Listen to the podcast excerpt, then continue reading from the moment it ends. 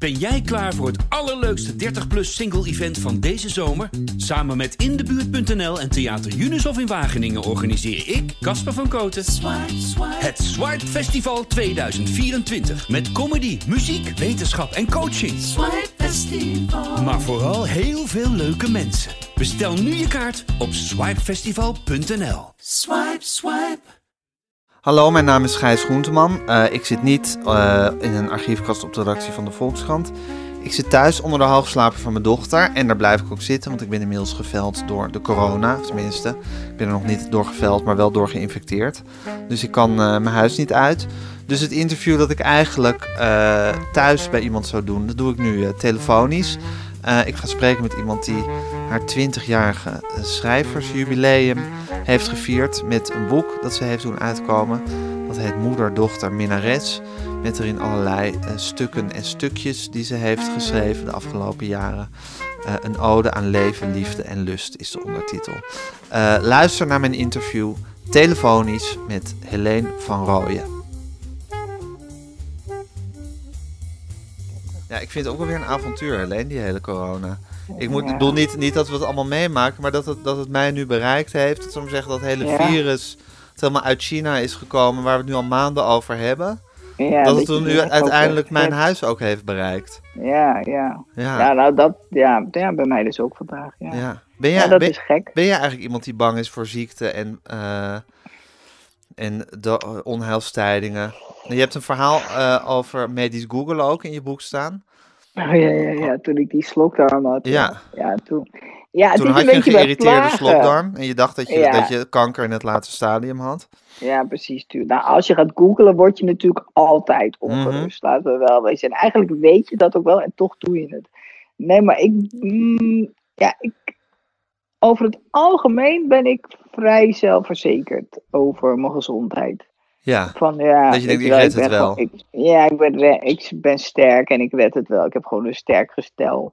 Dat, en dat heb ik ook wel. Ik ben echt niet vaak ziek. Nee. Gewoon, eigenlijk niet. Dit hele jaar, nou behalve dat buikgriepje, ben ik dit hele jaar gewoon niet ziek geweest. Ook omdat je natuurlijk afstand houdt van alles en iedereen. Maar maar je bent in je leven ook ik- weinig ziek geweest. ja, eigenlijk nee, niet, niet, geen bijzondere dingen. Nee, nee, helemaal. Nee, ik ben gewoon niet vaak ziek. En vind Dus je, ik- en ook dat zegt Bart altijd van, ja, jij kan een rauwe kip eten en je wordt nog niet ziek, weet je wel. Ik heb ook nooit, bijna nooit buikklachten of rugklachten of dat soort dingen, dat heb ik allemaal niet. nee, als een soort tank beweeg je door Ja. het leven. ja, ja ik wil ook echt 100 worden, dat is toch wel de... Je wil 100 de worden. Dus je, wil je vindt de 100 dood wel dus een angstaanjagend concept. Het feit dat je op een dag de mededeling kan krijgen dat je doodgaat, vind je niet. eh, dat, dat, dat, dat, vind je wel angstaanjagend. Ja, nou ja, die mededeling krijg je bij je geboorte al, dat is natuurlijk eigenlijk het vervelende. Alleen je weet niet wanneer. Nee. Ja, nee, het is. eh, nee, ik zit er echt niet op te wachten van, eh, oh leuk, dan ga ik dood. Ik hoop ook echt dat ik dan gewoon, de- daarom denk ik dat ik 100 wil worden, omdat je dan echt denkt van, nou, nou is echt wel mooi genoeg. Ja, precies. Ja. Je hoopt dat gewoon Dat elke levenslust uit je verdwenen is. Ja, en dat je gewoon echt precies. met een tevreden gevoel. Ja, ja, precies. Dat is wel mijn ideaal. Dat ik op dat moment denk, oké, nou, nu, eh, nu mag het. Maar dat wil zeggen, Helene, dat je wel een heel ehm, ja, levenslustige kijk op, op het leven en, en de alledaagse werkelijkheid hebt.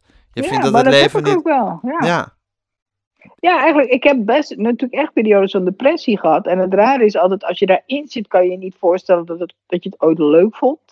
Maar als je eruit zit, bent, zoals meestal het geval is, kan ik me niet voorstellen, kan ik me die depressie helemaal niet meer terughalen. Van hoe, wat, wat, waar was ik mee bezig, weet je wel? Wat, en dat is dus het gekke van, het is, dat is wel echt je gemoed of zo. En volgens mij zit dat echt gewoon ingebakken. Je kunt er ook niet zo heel veel aan doen. Van, weet je wel, ik ben echt door de bank genomen wel een goed gemutst persoon. Ja. Eigenlijk ja. altijd wel. Ja. Ik ben ook een ochtendmens en ik ben wel, ja, ik ben gewoon wel blij. Maar dat, is, dat is, maar dat zie je toch bij baby's eigenlijk ook al. Van, je ziet van die serieuze baby's en je ziet hele lacherige baby's en je ziet, nou ja, weet je, stillere baby's. Je ziet het bij kinderen ook al, baby's Ja. en kinderen ook al snel, wat ze eigenlijk voor type zijn. Ja, nou ik moet zeggen, ik heb, vier, dat- ik heb vier baby's eh, intensief meegemaakt in mijn leven. En het is niet zo dat ik vanaf het eerste moment hun hele karakter al uit kon tekenen. Maar er is niks Ja. later bijgekomen wat me heeft verbaasd vergeleken met hun babytijd. Ja, dus het is inderdaad wel dat hun, hun hele karakter zit er wel al in Ja, vanaf het allereerste moment. En jij Ja, zegt dus dat dat je eigenlijk een, een, in, in wezen een blijmoedig persoon bent. en dat is het fascinerende van een depressie.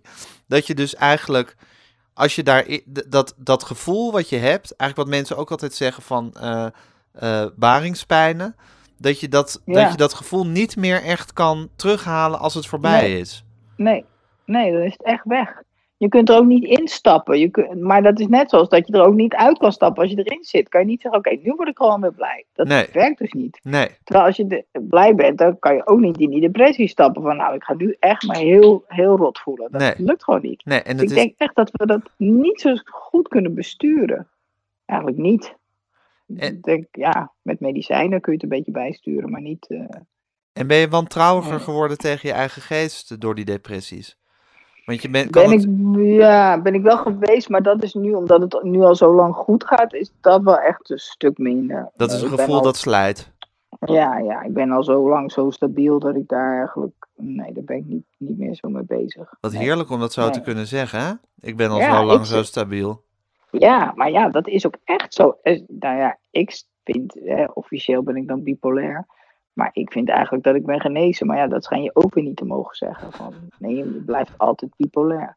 Dat is heel flauw. Maar, maar ja, het is dan wel echt een milde vorm. Want anders had ik er veel meer last van moeten hebben. En zou ik ook gewoon dagelijks medicijnen moeten slikken. Of iets dergelijks. Weet je wel? Dat, dat, Zou ja, dat, of ik heb mijn leven zo aangepast dat ik, dat, dat ik prima bipolair kan zijn zonder dat iemand er last van heeft. nou ja, je bent natuurlijk wel een heel praktisch aangelegd iemand, eh Helene, heb ik het idee. Ja, Dus misschien ben jij gewoon heel goed in staat geweest om je leven zo in te richten dat je er, dat je, dat je er gewoon, dat het, dat het, dat Ja. het heel hanteerbaar is geworden. ja, ja. Nou, Moet, je- zou moet je lachen omdat ik gelijk heb of moet je lachen omdat het onzin dat is? kan. Ja, ik, ik weet het niet echt, maar het zou, het zou heel goed kunnen. Ik weet het natuurlijk niet precies. Hoe Maar vind je jezelf hoe een praktisch werkt. aangelegd iemand? Ja, ja, dat zeker. Ja, toch? Absoluut. Ja, ja, ja. Heel erg.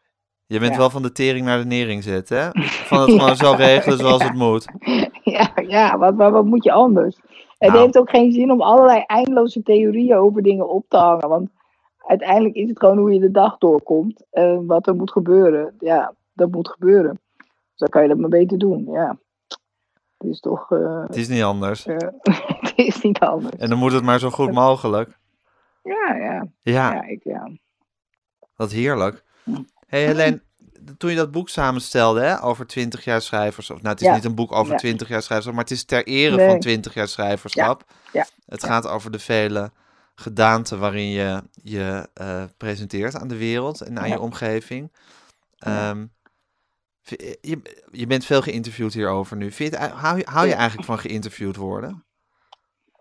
Ehm, nou ja, het, je, ja, het is. Nou, het is niet. Hmm. je hoort aan mijn aarzeling. Nee, als ik het helemaal doe, vind ik dat altijd wel leuk. Als het een leuk gesprek is met iemand. Maar er zit natuurlijk nu zeker best wat herhaling in. En dan is het soms wel een beetje vermoeiend.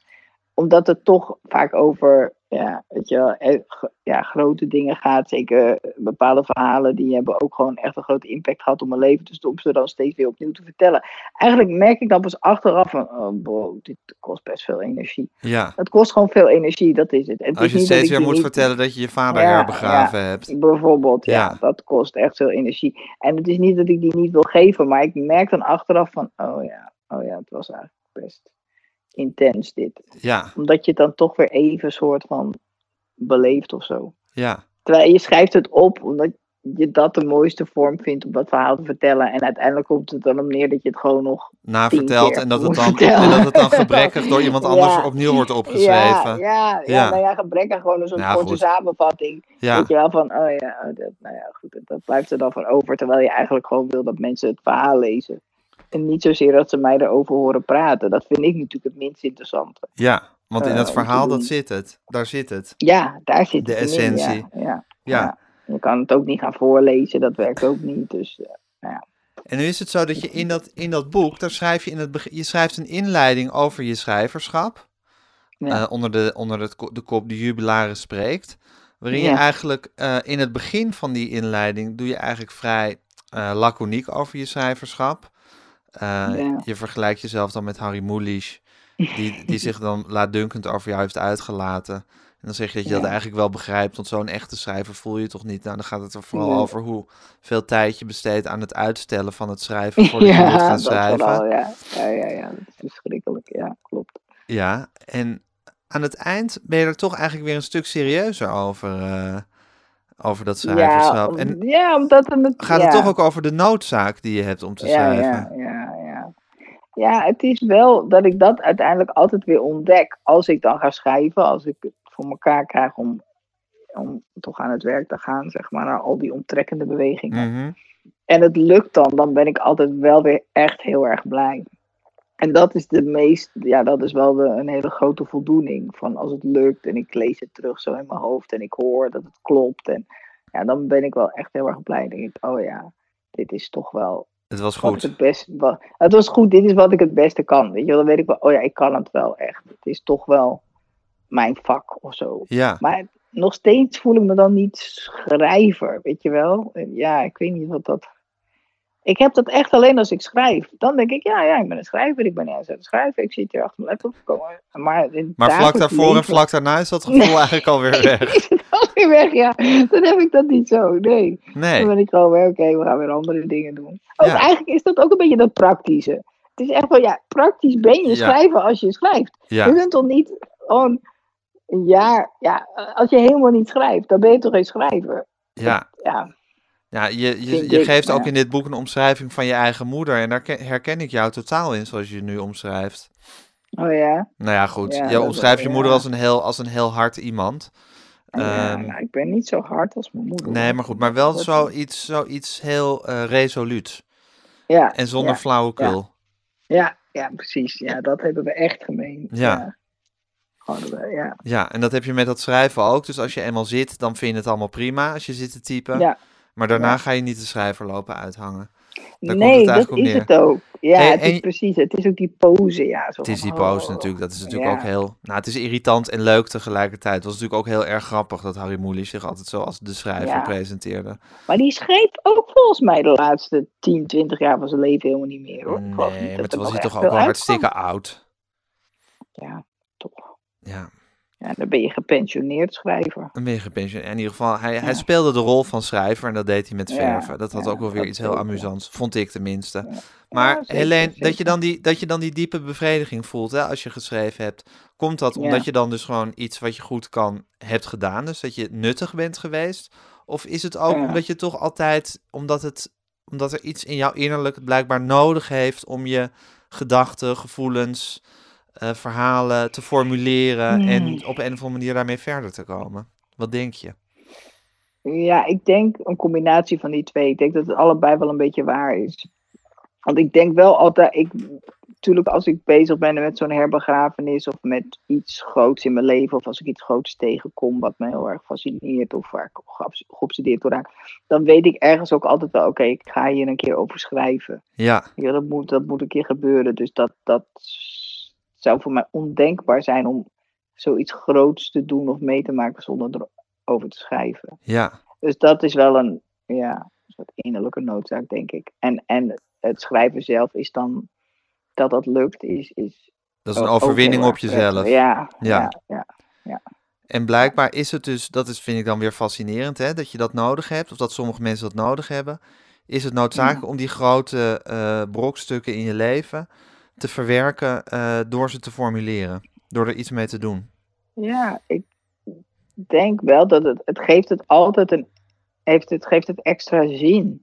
Het geeft meer zin aan, aan de, want de grote brokstukken zijn ook vaak tragische dingen of Ja. gekke dingen. En, en dan heeft het tenminste nog wel een soort iets positiefs. Je zet het om in iets moois, in een verhaal. Dat helpt het altijd wel. En het is, ehm, ja, Ja, dus het is ook een beetje het, Ja, zin- het is die- die zin- vertaling het, van- zinloze van Ja. verdriet eh, Ja, een ja, beetje. ja, ja, te niet ja. doen. Ook van, ook, maar ook van vreugde. Ik bedoel, als ik heel. Over mijn kleinkind heb ik ook al weer Mhm. drie of vier, vier columns geschreven. En dat is iets heel positiefs. Maar daar wil ik ook heel graag over schrijven. Van, oh, dit is zo leuk, dit is zo mooi, dit is zo geweldig. Dus dat, het is ook heel graag willen delen. Van, kijk nou toch, hoe schattig dit is. Het is denk ik wel een soort uitweg van je emoties.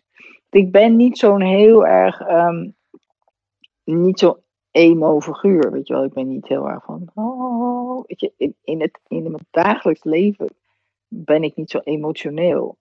Je bent praktisch.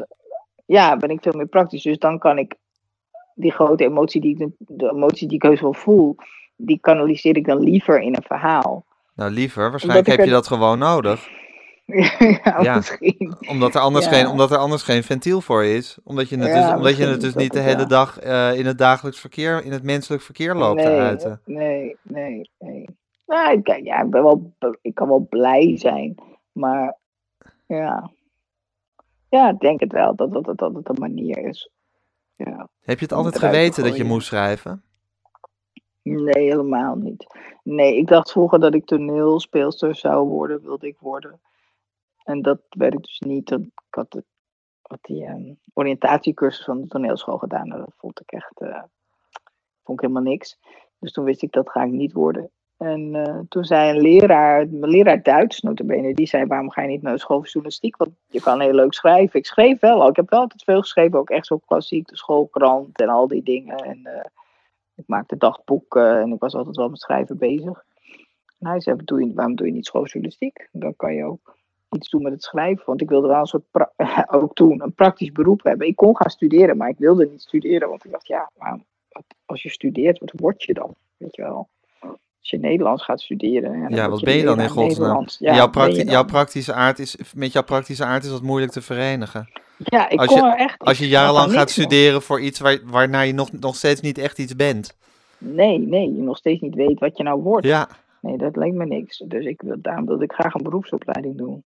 En dat, nou ja, dat werd schooljournalistiek. Dus ja. dat kwam heel mooi uit. Maar toen dacht ik echt nog steeds niet van, oh, ik word schrijver. Maar wel van, oh, leuk, ik kan. Weet je wel, met schrijven kan je dus ook uh, uh, de kost verdienen. Dat vond ik wel fijn. Dat is heel leuk, maar dat is toch nog wat anders dan een roman gaan schrijven, wat je toen bent gaan doen. Waar, Waarom kwam dan ineens die diepe schrijfimpuls om de gelukkige huisvrouw te gaan maken? Ja, dat was, ik was toen al een aantal jaren ook freelancer voor allerlei bladen. En ik had toch wel steeds in mijn hoofd van. Op een gegeven moment kreeg ik het wel in mijn hoofd van ik wil een boek gaan schrijven. En ik geloof dat een keer met een hele groep vrienden of zo zaten we met oud en nieuw in een café. Of het waren collega's van Radio Noord-Holland, geloof ik zelfs. En toen gingen we allemaal zeggen van waar zijn we over vijf jaar. En toen zei ik van ja, over vijf jaar heb ik een bestseller geschreven. Weet je wel, super stoer. Toen werkte ik dus bij de radio. En we gingen allemaal onze voorspellingen opschrijven. Ja. Nou ja, en dat, dat is inderdaad dus gebeurd. Dat is toch gelukkig huisvrouw geworden. Dat heb ik ook gedaan. Terwijl ik toen echt nog niet, toen was ik daar nog helemaal niet echt, uh, had ik nog geen letter op papier, zeg maar. En waarom wist je dat dan? Ja, ja dat weet ik niet. Dat, dat, dat was gewoon mijn plan. Ik wilde ook niet in een boek schrijven, ik wilde een bestseller schrijven. Dat leek me echt het allerleukst. Dat ging eigenlijk meer, dus dat, daar ging het meer om dan het boek. ja. Ja, nou ja, ik dacht echt van, oké, journalistiek gezien. Uh, mijn vader heeft zelfmoord gepleegd, uh, drie dochters, zelfmoord, slotenplas. Nou, ik vond het allemaal wel hele goede ingrediënten voor een uh, bestseller. Dus dat. Ja, je bent zo praktisch, Helene. Je wordt praktischer en praktischer in mijn perceptie. Ja, het, wordt steeds erger. Maar dat was wel echt zo. Ja, daar verkeek ik me natuurlijk enorm op. Maar Daarom werd ik tijdens het schrijven psychotisch. Maar het, het was wel mijn uitgangspunt. Ja. Ik dacht wel, ja. Maar misschien, heb, je, misschien heb je jezelf toen toch een beetje in de maling genomen.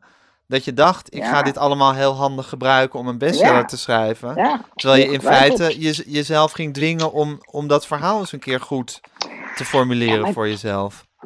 Ja, maar denk jij dat? Ja, dat denk ik, zeker. Ja, dat weet ik dus niet. Dat weet ik oprecht niet of dat zo is. Of ik dan op mijn onbewuste dan zei van, ja, je moet hier eigenlijk mee aan de gang en ga nu maar een boek erover schrijven en dan komt het wel zover of zo. Ja, maar het is, zo is het toch gegaan ook? Dat boek is natuurlijk meer voor je geweest dan alleen een bestseller. Ja, het is, ja, het is natuurlijk, zeker. Het is natuurlijk voor jouzelf ook de, een, een, eh, een opening geweest. Of een, ja. een ontdekkingstocht, laat ik het zo zeggen.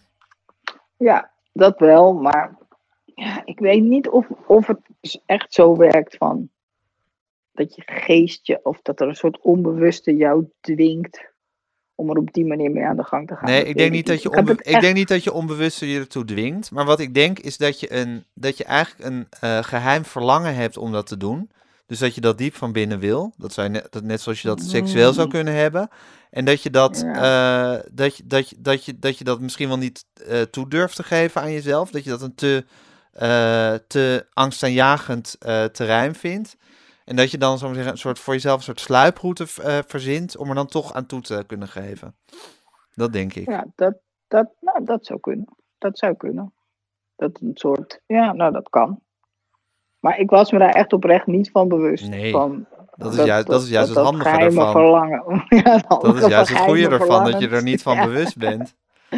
Nee, nee. Dat is, nou ja, dat, misschien is dat wel waar, ja. Heeft het je, heeft het je uiteindelijk, behalve dat het dus moeilijk was, heeft het je ook veel gebracht dat je eh, zo diep in, in je eigen geschiedenis wat dat betreft bent gedoken? Of in je psychologische geschiedenis? Ja, ik denk het wel. En toen, want kijk, ik had toen natuurlijk al één psychose gehad. Dat was na de geboorte van mijn dochter. Ja, En toen kwam het verhaal van mijn vader natuurlijk ook wel eh, boven, zeg maar. Maar je vader heeft we zelfmoord daar- gepleegd toen jij 13 was, hè? Zeggen we er nog even Ja, bij voor ja, de, voor de ja, ja. volledigheid. Dus, Ja. En natuurlijk kwam dat toen wel aan de orde en speelde het ook zeker mee in mijn hoofd en in die psychose. Maar toen zijn we toch vooral bezig geweest met zo snel mogelijk beter worden in de zin van dat ik weer voor mijn dochter kon zorgen. Ja, Dan echt in een soort diepe therapie gaan eh, om dat uit te gaan puzzelen. Ja. En de tweede, volgens mij, de, ja precies, de tweede keer dat ik psychotisch raakte, dat was dus tijdens het schrijven van de Gelukkige Huisvrouw. Toen kwamen we, en toen werd ik bijna weer opgenomen, uiteindelijk net niet, gelukkig. Ehm, toen was het wel echt van, oké, nu moet je er wel echt mee aan de gang. Ja. Dat de psychiater die ik toen kreeg, die zei dat ook, van je moet er nu gewoon doorheen. En ik, nou, ik heb me echt met hand en tand verzet. Ik vond het echt verschrikkelijk. Ik wilde het niet. Ja, ik wilde gewoon, ik wilde het niet over hebben. Maar goed, uiteindelijk moest het wel. En ik denk wel dat dat echt heeft geholpen. Mensen denken vaak dat het schrijven van het boek zo heeft geholpen. Maar dat is meer de aanleiding, zeg maar. Dat Ja. het misging in mijn hoofd. Dan dat, dat schrijven is niet zozeer therapeutisch geweest. Weet je wel, dat schrijven zelf, ja, dat is gewoon schrijven. En juist toen ik eenmaal psychotisch was geweest, bedacht ik: oké, ik kan dus niet schrijven over mezelf. Dat gaat niet goed. Ik moet echt karakters gaan bedenken. Ik Ja. moet juist afstand nemen van dat verhaal. Dus het schrijven ging beter als ik afstand nam. En intussen had ik wel die therapie om er zelf, eh, ja, zeg maar, doorheen te gaan. En het hele rouwproces en al die dingen. En ja, het is, het is wel gek, want het is een soort gekke mengvorm geweest. Want sommige dingen van mijn therapie zitten ook echt wel in het boek. Maar ook weer allemaal verdraaid. Soms weet ik ook echt niet meer. Dat vind ik ook altijd heel grappig. Soms weet ik echt niet meer wat de werkelijkheid was. nee. Omdat het boek is in die tijd geschreven en het speelde toen allemaal. En dan weet ik echt niet meer van, oké, was dit nou waar of niet? Dat weet ik gewoon echt niet meer. Ja, heel gek. het is een totale weerwar geworden. Ja, aan ja, herinneringen en verhalen en verzinsels. En ja, dat is ook heel moeilijk. En het is toch Ja. wel frappant dat die, dat die is, du- zich dus eigenlijk openbaarde op momenten dat je heel bewust met je eigen moederschap bezig Ja. was. Ja. Ja. Ja. Ja, ook- ja, precies. Ja, dus dat is natuurlijk ook geen toeval dat het dan naar boven komt. Nee. Dat is natuurlijk ook niet zo gek. Nee, Ja, want je schrijft eh, ook nu in dit boek eh, op het laatst, eh, als je oma wordt, over de, de waanzinnige, het, het, het fantastische van kinderen krijgen eigenlijk. The gift that, Ja. that, that keeps on giving, noem je dat in het Nederlands. Ehm, Om een kind te krijgen. Dus ik bedoel, en, en vo- volgens mij hou je ook zielsveel van je kinderen. Dus volgens mij ben je Ja, helemaal ja, ja. pro het moederschap. eh, en het omaschap inmiddels. ja, ja, Eh, enorm. maar het moet, je, moet het natuurlijk, meer. je moet het natuurlijk ook angstaanjagend hebben gevonden. Tenminste, ja, ja. Je- zeker. je- Nou ja, moederschap. mm, ja, maar dat is wel veel meer de angst eh, om het kwijt te raken, zeg maar, dan per se het moederschap. Ik denk dat ik dat toch wat, ik denk wat iedere moeder heeft. Het is toch het engste om je kind te verliezen. Ik denk Ja, dat dat toch hoe ook kwetsbaar jezelf maakt. Is. Ja, ja, ja, die kwetsbaarheid. En niet ook Dat de angst eh, van, ik, ik moet ervoor zorgen en ik mag niet verzaken daarin. Nee, maar dat is dus waar ik weer redelijk dat zelfvertrouwen heb van. Ja, ja. Zoals je dat ook Ja, over je eigen dat- gezondheid hebt. Ja, precies. Daar Ja, heb ik niet dat kan zo, ik. heb, ja, ja, ik heb niet zo het idee van, oh, ik heb ook nooit getwijfeld over dat ik niet een goede moeder zou zijn of zo. Ik wilde, ik wilde juist zo snel mogelijk weer voor mijn dochter zorgen. En ik pas nu één keer week, in de week op op mijn kleinkind. weet je wel. Dat, dat- ik ben daar niet, ik daar nooit aan getwijfeld dat ik dat niet zou kunnen. Nee, en ook niet zoals jouw vader dus had, dat je op een gegeven moment het gewoon niet meer aan kan. En ertussenuit eh Nee. piept. Ja, nee, Nee, nee. dat Daar niet. ben je En nooit bang voor ook- geweest. Nee, Nee. nee, ik heb wel hele donkere momenten gehad, maar eigenlijk niet in relatie tot mijn moederschap. Maar ik denk ook niet dat mijn vader echt aan zijn vaderschap dacht toen hij eruit stapte. Ik denk dat hij gewoon zich niet meer met het leven kon Ja, maar dat, is juist, dat lijkt me juist het angstaanjagende. Dat zelfs iets Ja. als, het, als het vaderschap of het moederschap dan nog zo zwaar Ja. weegt dat het je ervan kan weerhouden om het leven niet meer aan te kunnen. Ja, ja, dat, nou ja, eigenlijk, eh, dat, nou ja, dat is ook, oh, daar ben ik ook wel eens boos geweest over geweest als ik echt heel somber was. En dit is wel echt jaren geleden. Ja, dat je ook weet van, ja, ik kan er niet uitstappen. Ik heb die uitweg niet. nee. Want dat kan gewoon niet. Ik weet wat het is. Dus ik kan dat echt nooit doen. Ik zou dat ook echt oprecht nooit kunnen doen. Omdat ik weet, ja, je kunt het echt niet maken. ja, je kunt het niet. Je kunt het gewoon niet maken. Je weet dat je zo'n, echt zo'n bom achterlaat. Zo'n ravage, zo'n verstrekkende gevolgen voor de rest van het levens van je nabestaanden. Ja. Ja, dat, nee, nee, nee. Ik, ik, en daar ben ik ook wel eens boos over geweest. Dat- voelde eigenlijk ja, alsof hij je? jou die mogelijkheid had on- Precies, ontnomen door het zelf te doen. Ja, ja, ja. Ja. hij is zelf er vandoor gegaan. En zet mij ook nog eens een keer klem. Want Ja, ik kan het niet doen. nee. Ik kan het echt nooit doen. Jij weet hoe kut het is. Ja, ja, ja. Ja, dat weet ik echt wel, ja. Ja, ja absoluut. Nee, dat... eh, Daarom vond ik het ook heel gek dat Joost Zwageman dat heeft gedaan. Daar begreep ik echt niks van. Die, die zo anti-zelfmoord was en heel boek daarover geschreven heeft. Nou, heel veel sowieso over geschreven heeft. Zijn vader had dan een poging gedaan. En die was bij tijd gevonden, zeg maar. Dus op zich heeft hij het overleefd. Ja. Die heeft ook Joost Zwageman zelf overleefd, volgens mij. Maar dat hij dat dan toch deed, ja, dat vond ik ook echt, echt heel verbazingwekkend. En en wat... En ja, ik snap, ja, daar word ik heb dan toch ook wel een, een heb beetje je ook boos een, over. ja, je hebt er ook wel een oordeel over. Ja, nou, zijn vriendin was zwanger. Weet je wel? En hij had al drie of vier kinderen, geloof ik. Ja, Ja, ja, ja. En je mag er nooit een oordeel over hebben, want het is altijd van, ja, ja, hij is zo ziek dat hij dat dus allemaal dan niet meer kan beseffen. Ik weet theoretisch gezien dat het niet mag, maar ik voel dat oordeel wel. Van zo, ja, ja. ik vind het wel, ja. Maar dat is wel interessant, hè, of je daar een oordeel over mag hebben.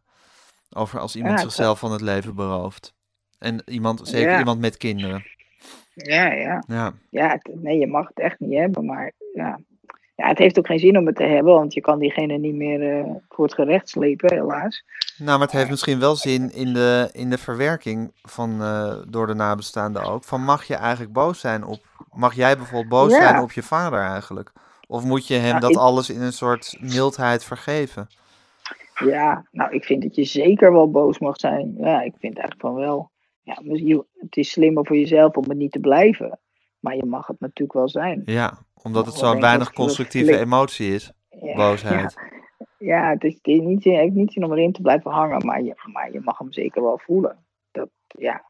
Maar zelfs mensen die niet zelf voor hun dood kiezen, weet je wel, als iemand aan kanker overlijdt, Mag je ook boos zijn. Nabestaanden toch ook wel eens boos? Ja, kunnen ze ook zo dat gevoel hebben. Wat flik je me nou? Weet je wel, dat hadden we niet afgesproken. Terwijl diegene dat natuurlijk ook niet expres doet. En ik, ja, het gekke is, ik zal altijd ook weer voor de zelfmoordenaar opkomen, zeg maar. Omdat mensen er natuurlijk, goed, dat zijn vaak buitenstaanders, er soms wel echt hard over oordelen.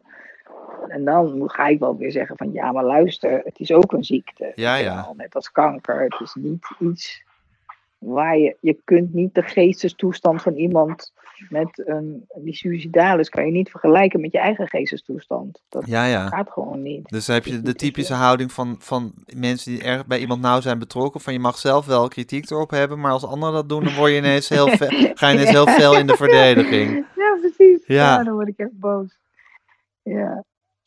Ja, maar die, nou ja, ja. precies. Zo, er- ja, dan worden, ja, ik vind dan heeft die zelfmoordenaar recht op verdediging. Ja, het is ingewikkeld. Het is ingewikkeld.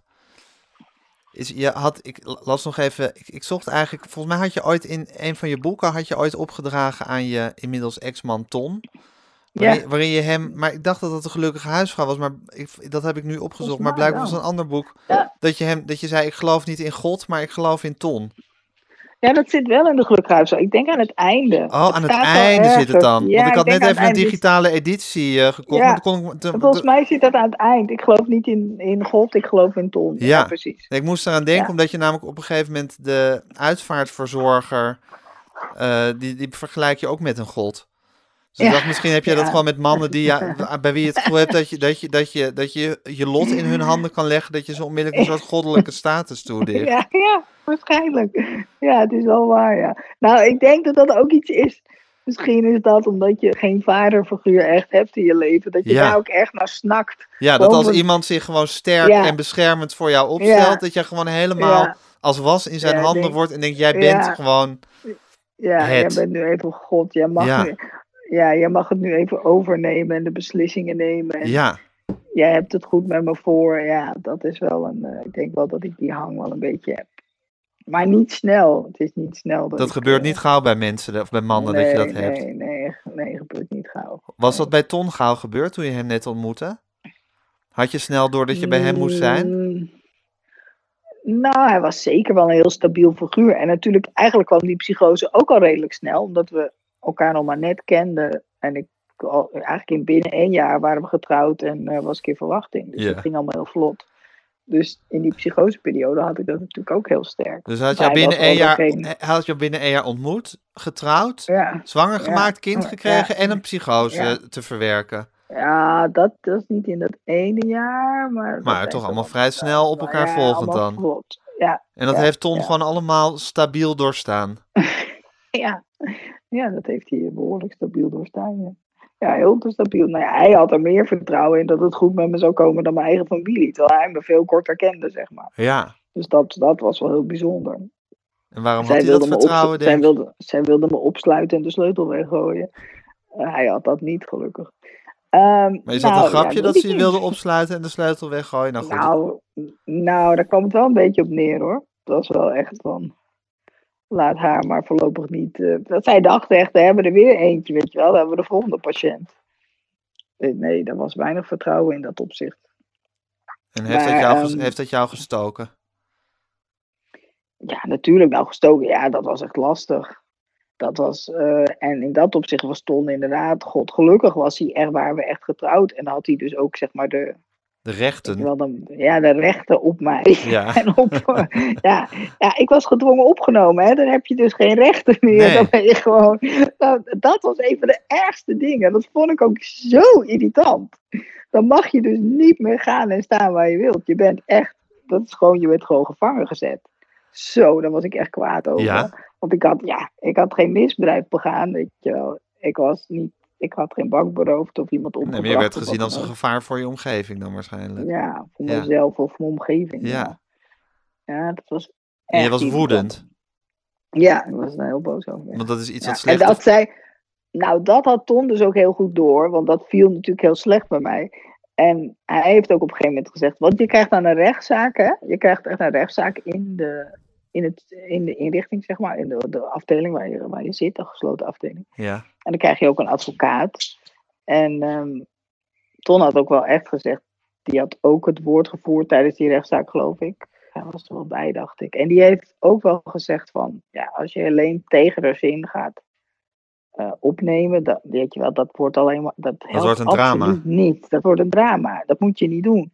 Laat haar nou maar op vrijwillige basis hier blijven. Dan blijft ze wel, maar dan wel op vrijwillige basis. Nou, daar gingen ze gelukkig mee akkoord. Dus ik won die rechtszaak, zeg maar, voor Ja. mijn gevoel. En ik ging ook meteen mijn koffer pakken. Oké, dan ga ik nu dus naar huis. Toen zei, dus ook echt van, nee, alleen dat was dus niet de bedoeling. Je zou dus op vrijwillige basis blijven. Oh ja, oké, nou, vooruit dan maar. Maar hij had heel goed door hoe dat werkte bij mij. En eh, ja, dus dat was, dat was wel, ja, dat was wel erg prettig. Dat was heel, eh, ja, daarmee was onze band natuurlijk ook wel voor heel, ja. Maar sowieso nog steeds heb ik een goede band met hem. Dat is niet veranderd. En had je dat vrij snel door, dus nog voordat je met hem getrouwd was, maar gewoon toen je hem ontmoette, had je door, dit is een uh, stabiele figuur voor mij. En is dat het type waar Ja. jij op valt? Ja, dat, nou ja, zeker. Toen zeker. Ja, ik vond hem heel, ik vond hem ook wel mysterieus, zeg maar. Mysterieus en, maar wel duidelijk stabiel en heel, ja, iemand die altijd wel elke situatie goed analyseert en doorheeft hoe het in elkaar zit. En wat vond je Ja, mysterieus? Nou ja, ik kon hem niet zo heel goed peilen in het begin van, wat is dit voor type? Vindt hij mij eigenlijk wel leuk? Dat was ook niet helemaal duidelijk, maar dat vond hij wel. Maar hij vond me ook heel lawaaiig, zeg maar. dat was wel, ja, dat was wel heel grappig. Is hij een onpeilbare Ja. figuur? Ja, dat is hij nog steeds. Ja? Ja. Ja, ja dus ja. Ja, ja, toch wel, ja. Hij is- blijft een soort, Hij blijft mysterieus. ja, ja. Ja, absoluut. En is je, is je huidige liefde Bart, is dat, is, is dat het tegenovergestelde? Is hij het tegenovergestelde van Tom? Of, li- of lijken ze Ja. deep down ook wel op elkaar? Nee, nee, die, dat is wel. Ik loop even weg, want Bart loopt hier nu net Oh praten. god. Ja, wat Bart nou weer doen? Ja, ik weet niet wat beneden doen. Eh, nee, ja, nee, wel het, ik denk wel het tegenovergestelde van Tom. Ja, die is, ja, die is echt anders. Wel ook, nou, stabiel is betrouwbaar wel. Maar ja, nou, als het erop aankomt, ook was het maar niet mysterieus. Bart is wel echt goed. Bart is een open boek. Ja, Bart is wel een open boek. Ja, ja, ja. ja, die is heel duidelijk in wat hij vindt en wil en niet wil. En, ja. En zie je het eigenlijk als een mislukking in je leven dat je huwelijk met Ton niet eh, de tand des tijds heeft doorstaan? Of eh, is dat gewoon hoe de dingen nou eenmaal gaan? Nee, het is echt. We hebben twintig jaar gehad hè, samen. Dat Ja. vind ik best behoorlijk lang. Zeker. Veel langer dan, mijn- langer dan mijn eerste huwelijk, want dat duurde één jaar. Dus het was al Twintig keer zo lang als je eerste huwelijk? twintig keer zo lang. Dat vind ik al een enorme sprong voor. Zeker. En eh, nee, nee. Dan moet je het met Bart 400 jaar volhouden als je diezelfde dezelfde coëfficiënt wil bewaren. Ja, ja, Ja. precies. Dat ik dat wil doen. Nee, nee, ik heb daar niet zo'n. ehm, nee, het, omdat het ook echt gewoon ja, klaar was. Dus dan, En hoe voel je dat iets klaar, hoe voel je dat iets klaar is? ja, dat, ja, dat voel je gewoon. Dan moet je door. Ja, ja je voelt tegenzin bij de gedachte dat, dat, het, dat het nog heel lang gaat duren. Ja, dat is natuurlijk geen, goede, geen goed gevoel. En als je dat maar, als je dat echt de hele tijd voelt, dan. Ja, Dan moet je gewoon een, eh, dan moet je actie Ja. ondernemen. Ja, ja. Nee, dat is dan echt beter. Plus, dan kun je het beter omzetten in een andere verhouding die wel werkt. Ja, En dat is gelukkig gelukt. Ik denk als dat niet was gelukt, als Ton en ik echt dat? Vijanden waren geworden? Ja, ja, Ja. vijanden waren geworden en elkaar niet meer zouden zien of spreken. Of, dan had ik veel meer het gevoel van mislukken gehad dan, dat, heb, dan ik dat nu heb. ja. Want jullie kunnen nu bijvoorbeeld van je kleinkind heel goed samen genieten. Ja, ja, we tennissen weer samen. We zijn samen lid geworden van dezelfde tennisclub. En we zijn net eh, clubkampioen geworden. gemengd Dat meen je niet. Ja, zeker, dat meen ik wel. Maar spelen jullie gemengd dubbel? Nou ja, maar dat deden we in Portugal natuurlijk al. Ja. En Ton, Ton die speelde al veel eh, sowieso weer tennis in Nederland. Ik had het een beetje laten versloffen, maar we zijn nu weer echt begonnen. Nee, het is echt superleuk. En dan komt ook iedereen kijken, weet je wel, het clubkampioenschap. Kwamen de kinderen en het kleinkind en Bart. En nou, zaten allemaal... En dan speel je gemengd dubbel met Ton. Ja, ja, ja, met Ton. Ja, En zijn jullie clubkampioen geworden. ja, ja. ja, ja. Chapeau. Ja, goed hè. Ja, Ja. Wij waren ook heel blij. Nou ja, het was zelfs de eerste set ging een beetje moeizaam. Dus we waren wel allebei van shit. Nou staat iedereen hier. Dan moeten we wel winnen ook. Dus ze gingen ons echt zo van kom op, kom op. Jullie kunnen het. Nou, toen, want we begonnen stroef. Maar Ja. toen leefden we op en toen, eh, toen ging het goed. Dus, Wat eh, goed dat zeg. En hoeveel, ja, dat hoeveel werd het, de tweede en de derde set? Nee, het waren zelfs maar twee sets. Want het was de best of three. Dus, Oh, maar jullie hebben de eerste set wel gewonnen. Ja, ja. Oh, dus uiteindelijk het wel. ging stroef, maar toch gewonnen. Nou ja, pakte ons. Ja, want we stonden, Jeetje. ik geloof, Nee, ik dacht dat jullie de eerste set verloren en toen de Nee, tweede en de nee, derde die set hadden we ook wonnen. gepakt. Nee, we hadden ze allebei gepakt. Lekker hoor. Gelukkig. Ben je competitief, ja. Helene? Kan je tegen je verlies? Nou, ja, ik aangezien je zo-. Aangezien je zo dolgraag een bestseller wilde schrijven, ben je ook vast competitief.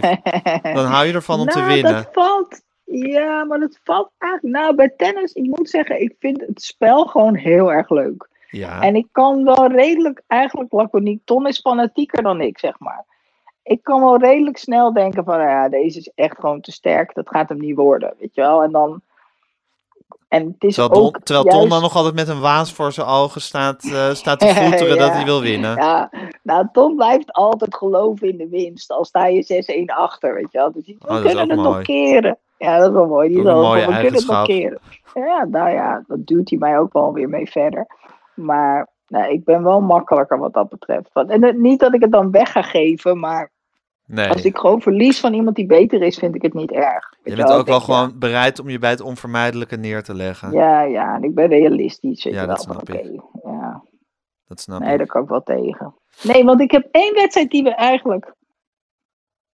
Er is echt, soms zijn er wedstrijden, weet je wel, die je verliest, maar die veel leuker vond, omdat je echt goed speelde, Ja, dan een wedstrijd die je wint, terwijl je eigenlijk niet zo goed hebt gespeeld. ja, Dan heb ik meer voldoening uit een wedstrijd die ik verloor, waarvan ik Ja. denk, jezus, maar ik heb, was één, wat was een, het was een damesdubbel, en die heb ik inderdaad verloren, maar ik speelde echt goed. Echt bo- boven me, ik niveau boven mezelf uit. Ja, ja, En het was echt boven- spannend. Ik bleef maar rennen. Ja, ik bleef maar rennen en rennen en doen. En ik heb echt alles gegeven. Maar ja, we verloren wel. Maar ik had een heel goed gevoel over die wedstrijd. Terwijl ik ook wel eens een wedstrijd inderdaad had gewonnen met Ton. En dat, ja, dat had ik, eigenlijk speelde ik als een krant. Nou, dan, dat vind ik echt minder. denk ik, ja, ik heb gewonnen, oké.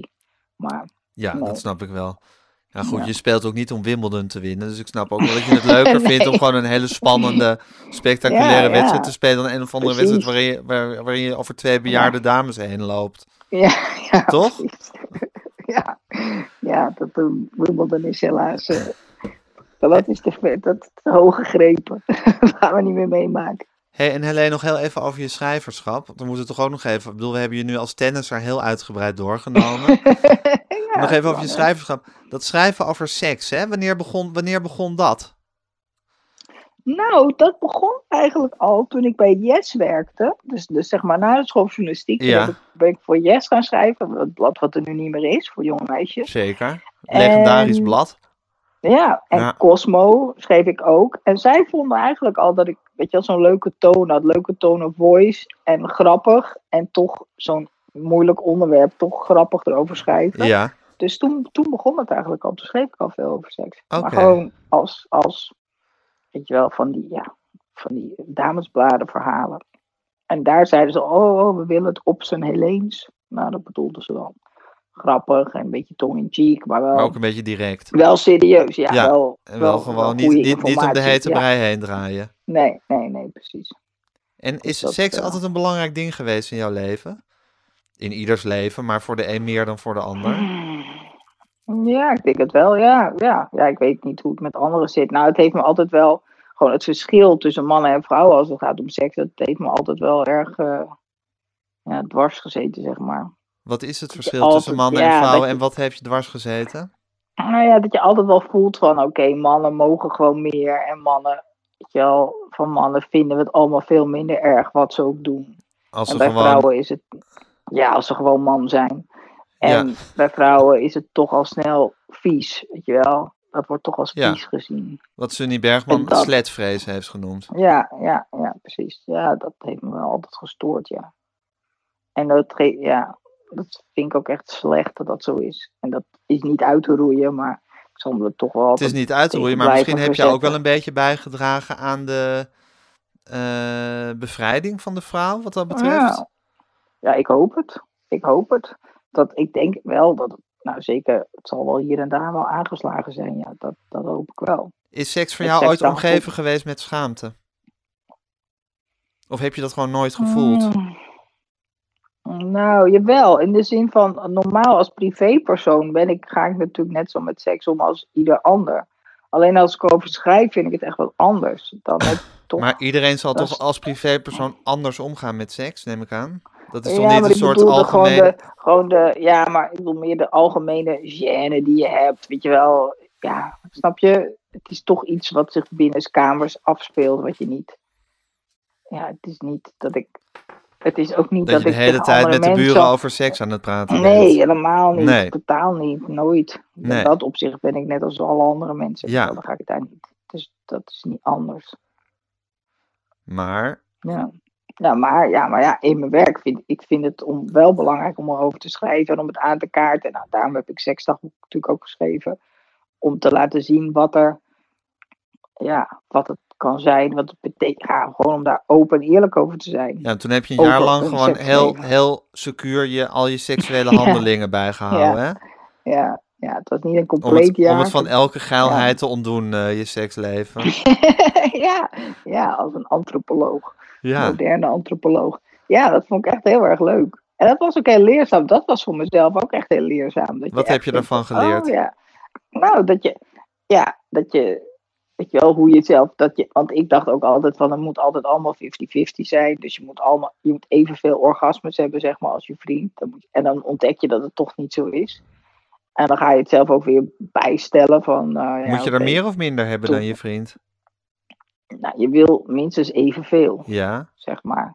Dat was wel mijn uitgangspunt. Maar dat lukt toch niet altijd. Dat je toch soms denkt van, nou ja, het is wel best. Weet je wel. vanavond zit het er even niet in. Ja, het zit er niet in. En dus dat soort dingen. En, ja, en er makkelijker over praten, toch. Eh, Net al, nou ja, dat is wat ik zeg. Als privépersoon heb ik natuurlijk ook ook niet, niet per se zoveel makkelijker van, oh nou. En door dat seksdagboek ben ik er ook makkelijker met Bart over gaan praten, toch. Ja, omdat het dan zo gewoon wordt, dat het, ja, het lukte echt makkelijker. En dat was ook heel leuk, want het was ook een beetje een gezamenlijk project, omdat hij ook, heeft ook nog een stukje in het boek geschreven, zeg maar. Ja, hij is natuurlijk ook hoofdpersoon daarin. En eerst vond hij het ook een heel slecht idee.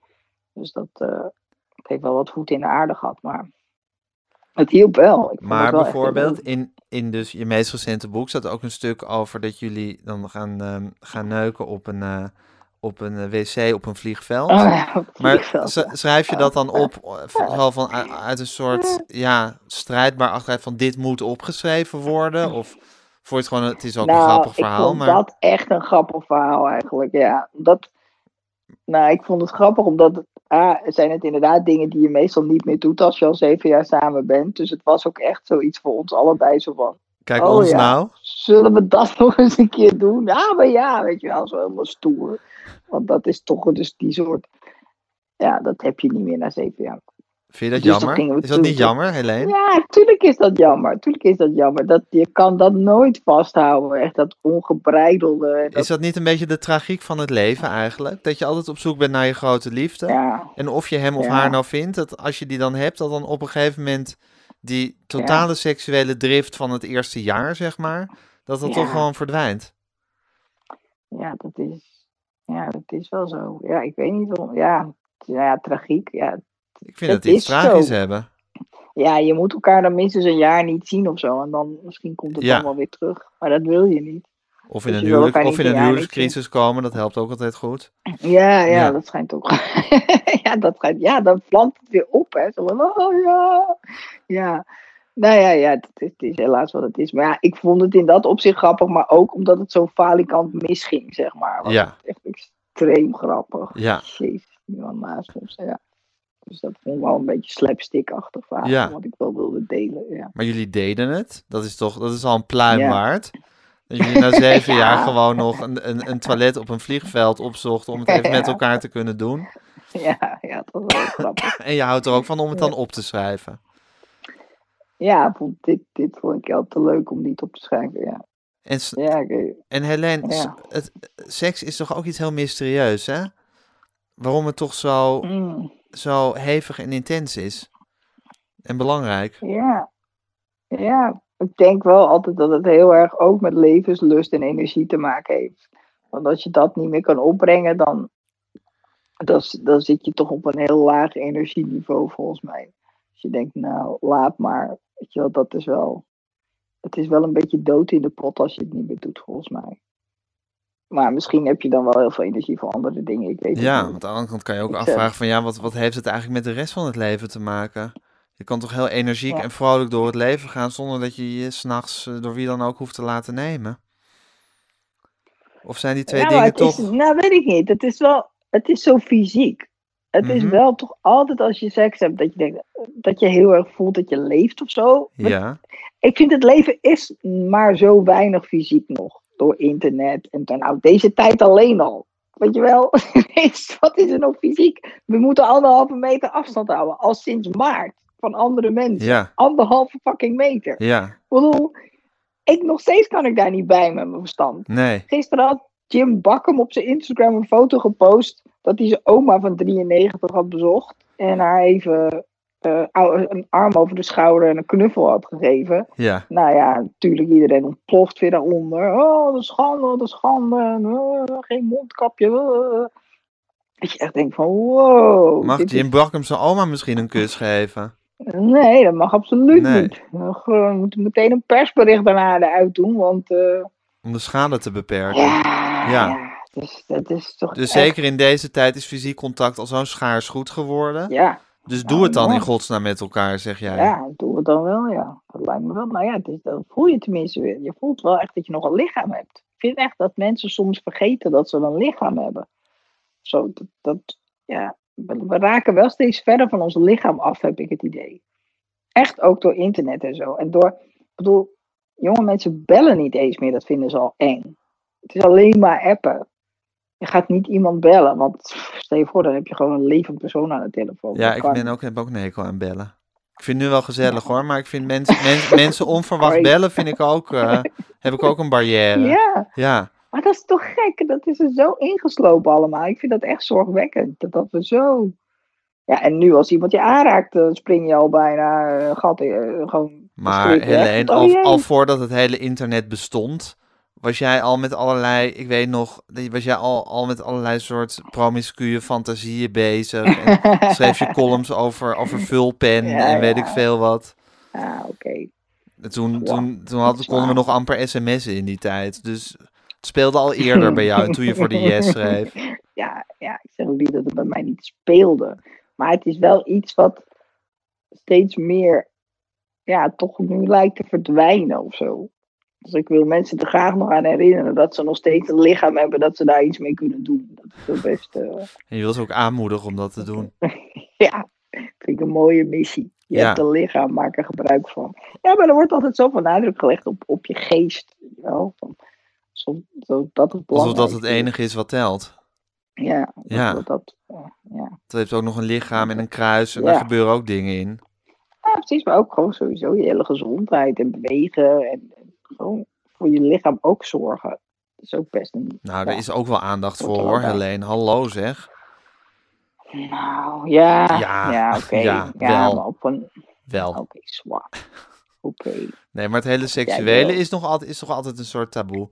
Je had toen, toen Ja, zou ik ja. zeggen, in de tijd dat je, dat je net doorgebroken was als schrijfster. En dus ook dat je die column in het parool had. Bijvoorbeeld, die ik altijd met heel Ja. veel eh graag te las. Die vond ik superleuk.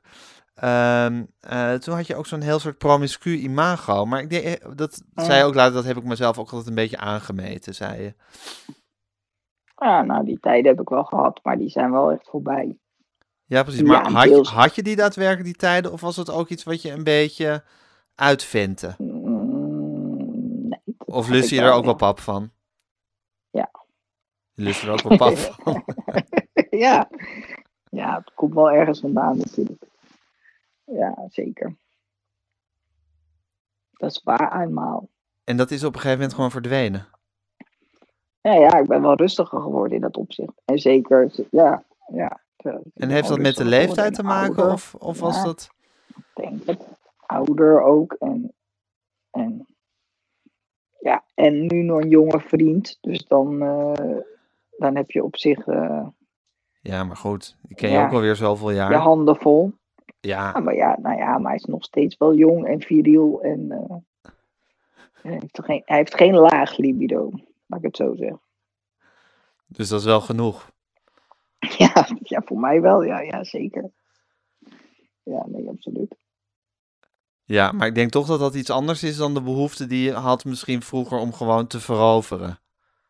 Ik bedoel, Ja, dat heeft, dat toch, heeft toch ook minder ja. met de daadwerkelijke daad te maken, als wel klopt, met het gevoel klopt. dat je erop uitgaat en gewoon eh, mensen gaat eh, inpalmen.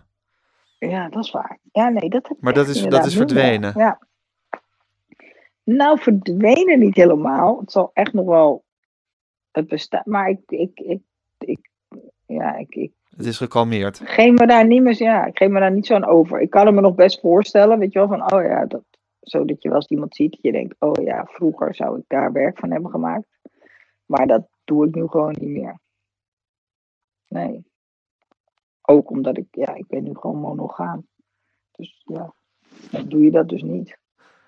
Zo lief hoe je dat zegt. Een soort, een soort berusting. Ja, ik ben nu gewoon monogaam.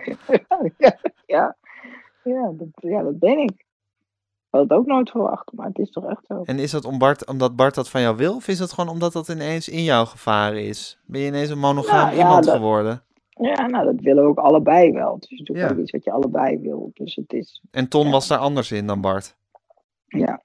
Ja, ja dus ja, het is gewoon een andere relatie. En Zeker. daar kies je, je kiest voor een bepaalde vorm van. Nou, daar kiezen we voor. Ja, maar blijkbaar zit het nu ook in je om monogaam te kunnen zijn. ja, Ja. ja, absoluut. Grappig hoe dat gaat in het leven, hè? Toch? Ja. Hoe je Nou kan ja, veranderen wie- en... Ja, wie, wie weet als het weer ooit uitgaat met Bart, wat er dan weer gebeurt. Dat weet je natuurlijk nooit. Dan ga je gewoon, dan ga je dan gewoon eh, de straat op en dan ga je pakken wat je pakken kan. Ja, waarschijnlijk wel. ja, die heel, heel, heel snel een Tinder profiel heb. Ja. Ja, kijken wat er nog te halen is. Voor oma. ja, dat sowieso. Ik denk wel dat ik dat zal gewoon blijven. Het is niet dat ik dan berust van oké, dat was het dan. Nee. Nee, nee, dat geloof ik zeker niet. Je wil altijd wel een, een, eh, een, een begerenswaardig object blijven. Niet als object, maar dat je gewoon begeerd wordt.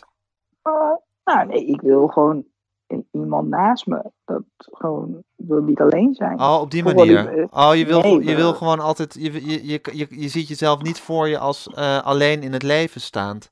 Nee, nee. Waarom niet? Zeker niet. Ja, gewoon niet. Ja, nee, dat is niks voor mij. Ik, vroeger kon ik dat echt ook zo heel stoer zeggen. Van, oh ja, ik kan heel goed alleen zijn. Ja, ik kan zeker wel alleen zijn. In de wetenschap dat er wel iemand is die straks thuis komt, weet je wel. Dan kan ik heel goed alleen zijn. Maar echt alleen alleen zijn, Moet je niet gewoon aan denken. altijd, elke dag, nee, nee, nee, dat gaat niet goed. Nee, nee, dat is niet goed. Maar dat gaat niet goed ook. Je hebt gewoon ook Nee, een beetje, denk- je hebt ook gewoon een beetje een, eh, een rots nodig. Ja, ja. Ah, gewoon, ja, een persoon, ja. Een persoon. Iemand, een persoon, iemand die thuis komt en waar je de dag mee bespreekt en waar je dingen mee doet en dingen mee onderneemt. Ja. Ja, ik ben niet, een- nee, vrijgezel. Maar ik geloof ook echt dat ik nooit lang vrijgezel, ben geweest in mijn leven. Ik kan me dat echt niet herinneren. Nee, ik kan me jou ook niet als vrijgezel herinneren, want je was jarenlang met Tom van Rooyen. En daarna had je, Ja. meteen daarna had je Bart. Dus Ja. eh, Ja. ja. ja, en daartussen zijn wel een paar weken geweest dat ik Echt? alleen was. Oh, ja? Zeker. Ja, want ik kende Bart nog niet natuurlijk. Het was echt zo, ik kende Bart niet. Dus toen het over was met Ton, was gewoon niemand anders. Dus toen was ik gewoon echt Wow. alleen. En wat, wat vond je van Nou. die weken? Ja, echt verschrikkelijk. Ja? ik vond het helemaal niks. Ja, nee. Ja, ik weet nog echt dat ik toen naar de supermarkt ging en ik ging boodschappen doen. En dat ik dacht, oh, oh, dan ben ik hier alleen. En ik hoef alleen maar voor mezelf boodschappen te doen. Ja, ik, ja, Afgrijzelijk vond je dat? Ja, ik vond helemaal niks. Ik vond helemaal niks. Nee. Dat ik bij niemand hoorde. Dat was het. Weet je wel? Dat je niet... Ik hoorde niet bij iemand. Oh. Ik hoorde echt bij niemand. Je bent Ja, toch eigenlijk ook maar je- gewoon een soort zwerfhondje, hè? ja, Je hebt gewoon een huis nodig en iemand die je aait. dat zal het zijn, ja. Dat zal die parallel zijn met, eh, met die zielige hondjes. Ja, Ik ben gewoon dat zielige hondje. ja, inderdaad. Ja, maar dat beschrijf je Ja, inderdaad. dat Dat je altijd voordat je gaat schrijven, ga je altijd naar filmpjes van zielige hondjes Ja, kijken. dat zielige hondjes, ja. Jij bent al dat zielige Ja. hondje. Je moet bij iemand ik ben dat horen. hondje. Ja, ik dacht dat ik die redder was, maar nu blijkt ik gewoon een hondje te zijn. Je bent zeker Ja. niet de redder. Nee, Nee. oh, jammer. Nou, het is toch Ja, veel leuker precies, om dat dat hondje te zijn en gered te worden. Ja, dat zeker, ja. ja. Dankjewel, Helene. Nou, graag gedaan. Het was erg leuk. Ja, vond ik ook. Dat was Helene van Rooyen. Uh, mijn naam is Gijs Groenteman. Ik maakte deze podcast samen met Daan Hofstee. U kunt ons mailen, podcasts.volkshand.nl. U kunt ons volgen op Instagram, @metgroenteman. En geef ons, als het kan, lekker veel sterretjes.